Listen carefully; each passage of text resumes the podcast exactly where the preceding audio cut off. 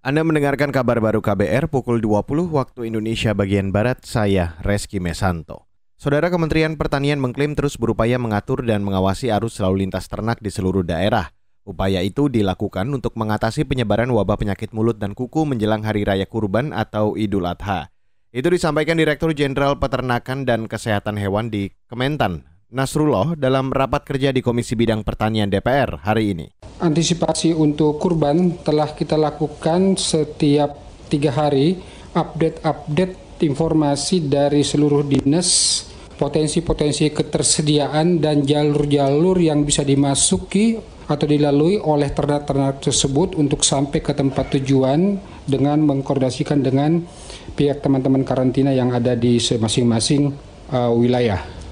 Saudara itu tadi Dirjen Peternakan dan Kesehatan Hewan di Kementan Nasrullah. Sementara itu Kepala Badan Karantina Pertanian Bambang mengatakan, hewan rentan dari daerah bebas PMK yang akan dijadikan hewan kurban harus memenuhi syarat untuk melewati area yang terpapar virus.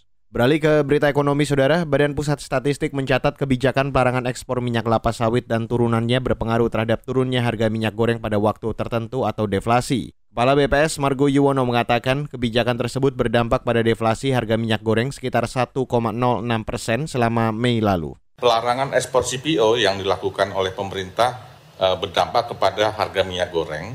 Terlihat bahwa di bulan Mei tahun 2022 ini minyak goreng mengalami deflasi. Ya, jadi kebijakan pemerintah e, kemarin melarang ekspor CPO itu terbukti bahwa ya di bulan Mei ini uh, minyak goreng itu mengalami deflasi, ya, mengalami deflasi, ya. Kepala BPS Margo Yuwono menambahkan, laju inflasi nasional selama bulan lalu sebesar 0,40 persen. Secara bulanan, inflasi tahun kalender atau year to date sebesar 2,56 persen dan inflasi secara tahunan atau year on year mencapai 3,55 persen. Beralih ke Jawa Tengah, Saudara, Gubernur Jawa Tengah Ganjar Pranowo menargetkan pembangunan tanggul jebol di kawasan Pelabuhan Tanjung Mas Semarang selesai hingga dua pekan ke depan. Ganjar mengatakan percepatan pembangunan tanggul merupakan antisipasi terjadinya banjirop atau luapan air laut. Dua minggu ini kita akan mencoba menyelesaikan civil work-nya. Beliau tadi sudah menyampaikan paparannya dengan sangat bagus, sehingga di area pelabuhan akan kita bereskan, termasuk dari Pelindo.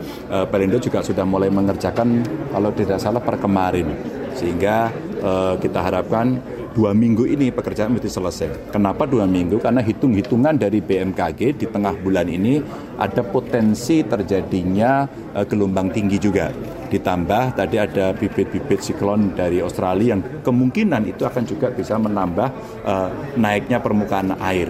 Gubernur Jawa Tengah Ganjar Pranowo mengatakan pembangunan tanggul darurat saat ini tengah dipercepat. Banjirop menerjang kawasan Pelabuhan Tanjung Mas, Semarang pekan lalu. Rob juga melanda sejumlah daerah di pesisir Jawa Tengah mulai dari Pekalongan, Kendal hingga Demak. Dan saudara, demikian kabar baru saya Reski Mesanto.